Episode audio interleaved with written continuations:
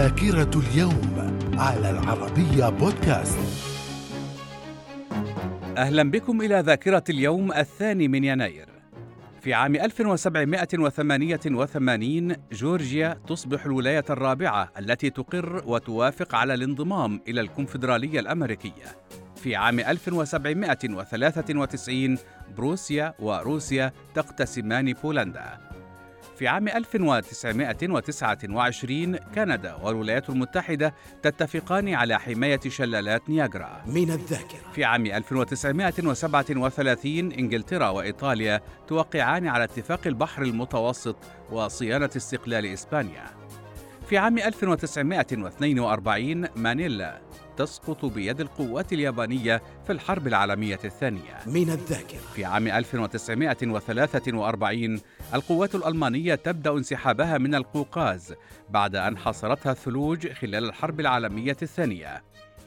في عام 1947 الزعيم الهندي مهاتما غاندي يبدأ مسيرة من أجل السلام في الهند بعد أن ظهرت بوادر الحرب الأهلية بين الهندوس والمسلمين في شبه القارة الهندية مع اقتراب الاستقلال من الاحتلال البريطاني. من الذاكرة.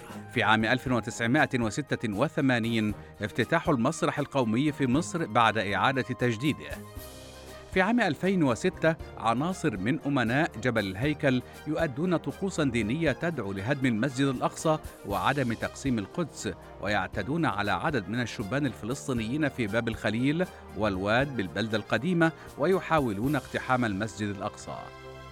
في عام 2007 بان كيمون يتسلم مهامه أمينا عاما للأمم المتحدة من سلفه كوفي عنان من الذاكرة. من مواليد اليوم الثاني من يناير في عام 1938 فاروق الباز عالم جيولوجيا مصري أمريكي. في عام 1941 عبد الوهاب الدكالي مطرب وموسيقار مغربي.